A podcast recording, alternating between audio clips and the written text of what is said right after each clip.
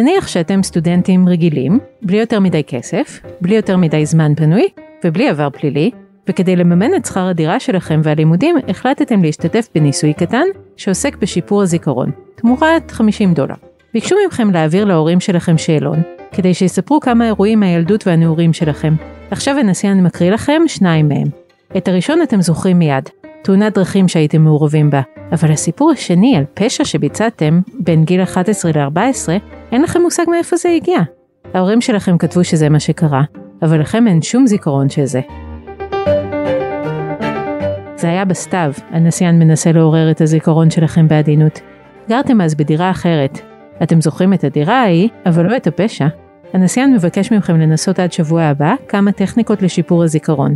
לחזור לאזור שבו הכל קרה, לשמוע מוזיקה מאותה תקופה, או לנסות לדמיין את האירוע כדי לשחזר פרטים. אם לא תיזכרו עד אז, תתבקשו לנסות שוב לקראת הפגישה השלישית. ב-2016 נערך מחקר כזה. בטח כבר ניחשתם שהניסוי לא באמת עסק בשיפור זיכרון, אלא ביכולת להטמיע זיכרון שקרי, של משהו שמעולם לא קרה.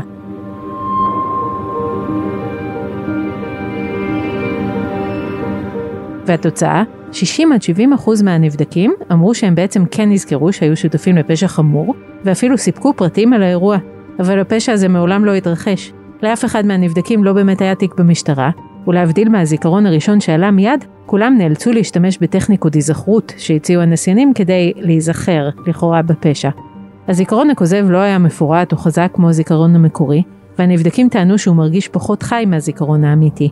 אבל בכל זאת, עד סוף הניסוי הם כבר באמת האמינו שהם פושעים.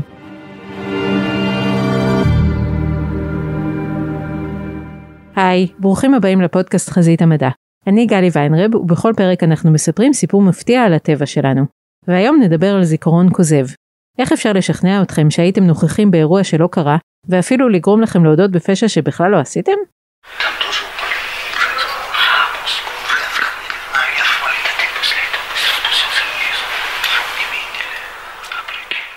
קשה להבין מה אנחנו שומעים, אבל אתם מכירים את הסיפור. כאן רומן זדורוב, בתא המאסר, מתוודה בפני מדובב על רצח הילדה תאיר ראדה, מה שהפך לראיה מרכזית בהרשעתו ברצח. זדורוב טען לאורך כל המשפט ועדיין טוען שהוא חף מפשע. אז מה משמעות ההודעה? הרעיון שאנחנו יכולים לזכור משהו שבכלל לא קרה הוא מטריד בפני עצמו, אבל כשמדובר בפשע זה עוד יותר מטריד.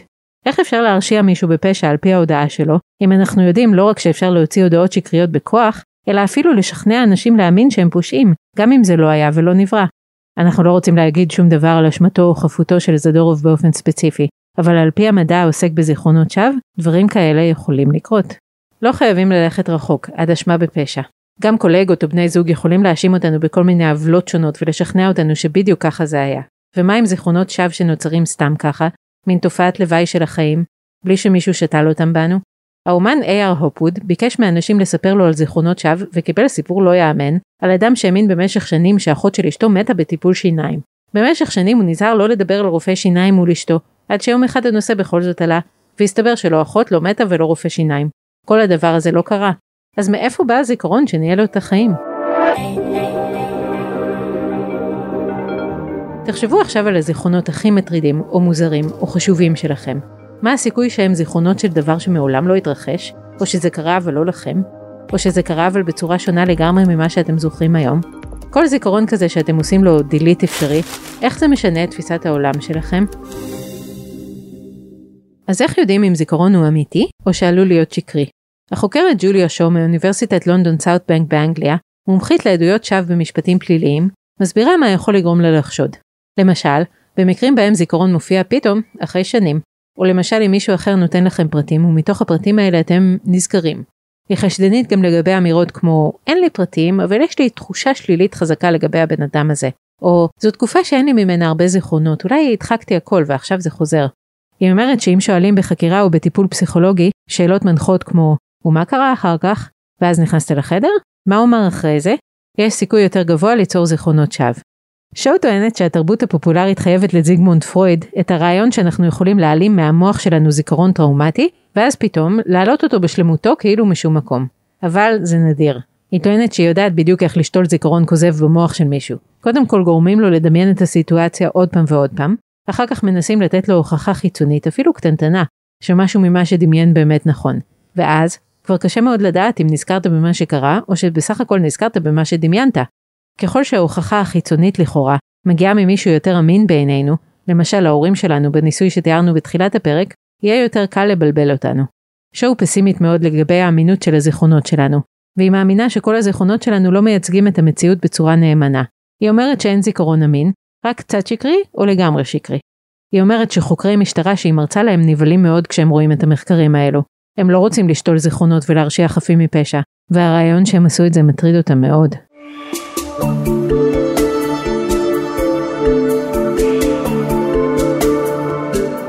אולי ראיתם פעם סרט מדע בדיוני שבו מציגים זיכרון כמו מסרט וידאו שאפשר להוציא מהראש ולנגן בשלמותו. מומחים על חקר המוח ופסיכולוגים אומרים היום שזיכרון לא עובד ככה. זיכרונות מופיעים במוח כמו מין תמונות מטושטשות או אולי אפילו לא תמונות אלא רשתות של ייצוגים סמנטיים. כל רשת נוירונים מקודדת רעיון, אדם, מקום, מצב רוח. הזיכרון הוא בעצם הקשר בין הרשתות האלה.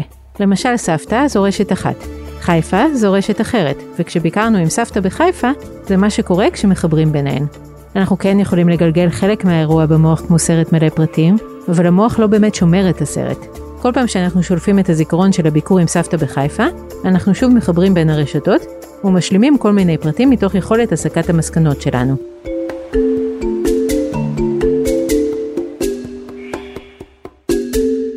אז מתי נוצר זיכרון כוזב? הרשת שמחברת את סבתא עם חוף הים בחיפה חופפת במידה מסוימת לרשת שקושרת את סבתא למטבח שלה בנס ציונה. לפעמים כאשר אנחנו שולפים את הזיכרון האחד, נשלף גם חלק מהזיכרון השני, והפרטים מתבלבלים. מה שנשמר מחדש בזיכרון לקראת השליפה הבאה, הוא לא בדיוק הזיכרון המקורי, אלא מין חיבור בין הזיכרון המקורי לבין האופן שבו ניגנו אותו לעצמנו בפעם האחרונה ששלפנו אותו. אם יש לכם זיכרון מגיל מוקדם מאוד, שמבוסס על תמונה שראיתם, אבל כולל פרטים נוספים, יכול מאוד להיות שחוץ מהפרטים שראיתם בתמונה, יתר הזיכרון הוא כוזב. הפסיכולוג צ'ארלס בריינרד, מאוניברסיטת קורנל בארצות הברית, פיתח את ה-Fuzzy Trace Theory, שמסבירה את כל זה. בריאיון לעיתון גלובס, הוא הסביר שיש כנראה שתי דרכים שבהן אנחנו אוגרים שירים של זיכרון. באזור אחד במוח, שנקרא ההיפוקמפוס, אנחנו אוגרים פרטים, לפעמים באופן חזותי ולפעמים באופן מילולי. לעומת זאת, באזורים אחרים, כמו האזור הפרפרונטלי, שקשור בהסקת מסקנות, אנחנו זוכרים את האווירה של האירועים, את המשמעות שלהם לגבינו. לדוגמה, כשהיינו עם סבתא בחוף הים בחיפה, היה יום נפלא, ולמדנו כמה כיף להיות בחופש. אבל כשהיינו עם סבתא במטבח בנס ציונה, אכלנו משהו מגעיל, ולמדנו לא לסמוך על המבוגרים. ריינרד אומר שכל אחד מהזיכרונות האלה הוא שיער, כלומר, לא זיכרון שלם. הזיכרון של הפרטים הוא זה שעוזר לנו לדכא זיכרונות שווא, אירועים במוח שלנו שמנסים לעבור קטלוג מחדש, מדמיון לזיכרון. אנחנו נגיד, מה פתאום, אני זוכר בוודאות שסבתא הייתה מגישה לי חלב ולא בירה. כנראה שכל הדבר הזה לא קרה. אולי הוא קרה רק בחלום או בסיפור. לעומת זאת, זיכרון אווירה קשור להסקת מסקנות. הוא פחות בררן, והוא מוכן לקבל פרטים מפה ומשם ולחבר ביניהם, כל עוד הם קשורים איכשהו לאותה אווירה. הבעיה היא שהזיכרון המפורט דוהה הרבה יותר מהר מזיכרון האווירה, אומר בריינרד. לכן גם היכולת לדכא את זיכרונות השווא יורדת ככל שמתרחקים מזמן האירוע. מהדברים האלה אפשר להבין שזיכרון שווא בדרך כלל נוצר כי הוא מתאים איכשהו לזיכרון האווירה שיש לך ולכמה פרטים שבאמת קרו. אם יגידו לך שרצחת מישהו בפקיסטן, אבל אף פעם לא נסעת לחוץ לארץ, כנראה שלא תשתכנע. אבל אם אומרים שזה קרה בעיר כאן ליד, שיכולת לעבור בה, זה יהיה הרבה יותר קל. אז מה ההמלצה לאדם שעומד לעבור חקירה, ולכן הוא חשוף לאפשרות של השתלת זיכרונות? בריינרד מאוד נחרץ, הוא ממליץ לא להיחקר. הוא אומר שזו סיטואציה מאוד לא סימטרית. החוקר מחפש אחר מניע, אופן פעולה והזדמנות. לרוב הוא מגיע לחקירה כשיש לו אחד מהם, והוא מחפש את האחרים. אם הוא יודע שהפשע התרחש בשעה חמש ואתה נשבע שהיית שם בשעה שש, הוא עלול להגיד לך, אתה בטוח שזה לא היה בחמש? מספיק שתאמר, לא יודע, אולי זה בכל זאת היה בחמש, ויש לו הזדמנות. אומרים לאדם הסביר, אל תשקר לשוטר, ואנשים עלולים להבין ששוטר גם לא יכול לשקר לך, אבל זה לא נכון, אומר ברנרד. השוטרים משקרים לנחקרים כל הזמן לגבי הראיות שיש להם. זה חלק מהפרוטוקול. גם עדות במשפט היא סיטואציה שיכולה להעלות הרבה זיכרונות שווא. עדים מתודרכים לפני העלייה לדוכן, ואז אומרים להם להגיד את כל האמת. בית המשפט הגיע להחלטה ויקרא כעת את גזר הדין. מסתבר שאם אומרים לאנשים להגיד את כל האמת, פרטי השווא מתחילים לזרום. אם היו אומרים להם תגיד רק מה שאתה בוודאות זוכר, כל הסיפור היה נראה אחרת. אז מה עושים? למרבה הצער, ברוב המשפטים אי אפשר להסתמך באופן מלא על ראיות פיזיות. רוב המשפטים מוכרעים על ידי עדויות. כלומר, כל מערכת המשפט מבוססת בעצם על הזיכרון האנושי. הדבר הזה שראינו עד עכשיו כמה הוא פגום. חוקרים כמו שואו ובריינרד מנסים למצוא דרכים מדעיות להבחין בין זיכרונות שווא לזיכרונות אמיתיים. בריינרד אומר שאפשר לראות הבדלים בין זיכרונות אמיתיים לבין זיכרונות כוזבים בסריקות מוח, אבל ההבדלים הם סטטיסטיים. במשפט צריך להגיע למסקנה חד משמעית ולא סטטיסטית. אפשרות אחרת היא לכתוב פרוטוקולים של חקירה שמעוררים פחות זיכרונות כוזבים. אנחנו מניחים כמובן שהמשטרה לא רוצה לתפוס אנשים חפים מפשע. בכל זאת, היו גם בניסוי שתיארנו קודם, 30% מהסטודנטים שהתעקשו שהסיפור שניסו לשתול להם לא היה ולא נברא. יכול להיות שיש אנשים רגישים יותר לזיכרונות שווא ואחרים עמידים יותר? אחד המחקרים גילה שצריכת קנאביס הופכת את הנבדקים לרגישים יותר לשתילת זיכרונות כוזבים. אנחנו לא יודעים אם זה קורה כי הזיכרון שלהם באמת מחורר יותר, או שגם הם פשוט מאמינים לרעיון הפופולרי שקנאביס פוגע בזיכרון, ולכן מוכנים לקבל השלמות מבחוץ. קשה לומר בוודאות, אבל לא רק צרכני קנאביס רגישים יותר. מחקר של פרופסור לארס צ'יקטה מאוניברסיטת קווין מרי בלונדון הראה שאנשים שנוטים יותר למצוא חוקיות בעולם, למשל אנשים שאם מראים להם מילים הם מקבצים אותן לקבוצות כדי לזכור אותן טוב יותר, ייטו יותר בקלות לזכור מילה שלא באמת הייתה שם. בתרבות המודרנית האנשים האלו נחשבים אינטליגנטים, כי הם מגיעים יותר מהר למסקנות ורואים קשרים בין פרטים ודפוסים בתוך בלאגן, אבל זה אומר שהם כנראה זוכרים יותר את האווירה של דבר מאשר את הפרטים שלו. אנשים שפתוחים יותר לרעיונות קונספירטיביים, מאמינים בחייזרים או גלגול נשמות, וגם אנשים קיצוניים מבחינה פוליטית, נחשבים לאנשים שמתחברים לאווירה, ופחות מחפשים תמיכה מהמציאות. את אלה כנראה גם קל יותר לשכנע לזכור דברים שלא באמת קרו להם, אומר בריינרד. ממצא נוסף, אולי מפתיע, הוא שדווקא ילדים רגישים פחות ממבוגרים לזיכרונות שווא. תיאוריית סוגי הזיכרונות של בריינרד עשויה להסביר את זה. ילדים עוד לא פיתחו את החוקים והכללים. הם עדיין לומדים וקולטים את הפרטים, כדי שיוכלו להכליל מהם בהמשך. לכן קשה יותר לשכנע ילד בזיכרון משובש שבו נהג מונית הוא גבר כשבפועל הייתה שם אישה, כי אין לו עדיין בראש סטריאוטיפ שלפיו נהגי מוניות הם לרוב גברים. בשנים האחרונות חוקרי זיכרונות שווא נכנסים בזהירות ובעדינות לשדה המוקשים של תנועת מיטו. המחקר בתחום הזה הוא לא בהכרח האויב של המתלוננות, אולי אפילו להפך. אנחנו יודעים שטראומה מקבעת זיכרון. זה בדיוק מה שקורה בתסמונת פוסט-טראומטית, שבה הזיכרון לעולם לא דועך ונכווה תמיד כאילו הוא מתרחש ברגע זה. והזיכרון הזה הוא לא רק הזיכרון של אווירה, אלא בהחלט גם זיכרון של פרטים. השאלה היא איזה פרטים. למשל המתלוננת או המתלונן בהחלט יזכרו מה עשו להם, מי עשה להם, פרטים לגבי התוקף כמו הבעת פנים, לבוש או ריח. הבעיה היא שהם אולי לא יזכרו באיזה יום בדיוק זה היה, באיזה חדר, אם הגיעו לשם וכדומה. פרופסור ג'וליה שו אומרת שכמעט כל הנשים מוטרדות במהלך החיים שלהן, אבל הן לא מתלוננות מיד.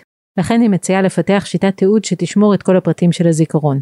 אם בכל זאת יגיע האירוע לשלב התלונה, חשוב שהזיכרון יהיה כזה שאפשר להשתמש בו להוכחה. בהרצאת TEDx שנשא, שו הציע לנשים שנפגעו לעשות מיד שלושה דברים. קודם כל, לתעד לעצמך מה שקרה במהירות האפשרית, אפילו לפני שדיברת עם מישהו נוסף שעלול להוסיף פרטים.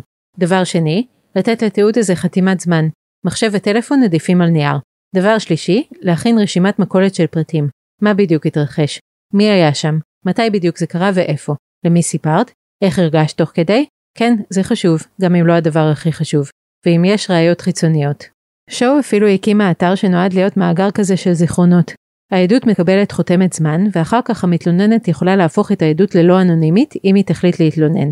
יש בזה גם סיכון. אולי קיבוע הזיכרון באמצעות תיעוד מיידי מפורט כזה עלול להחמיר את הטראומה? זו כבר שאלה לפרק אחר.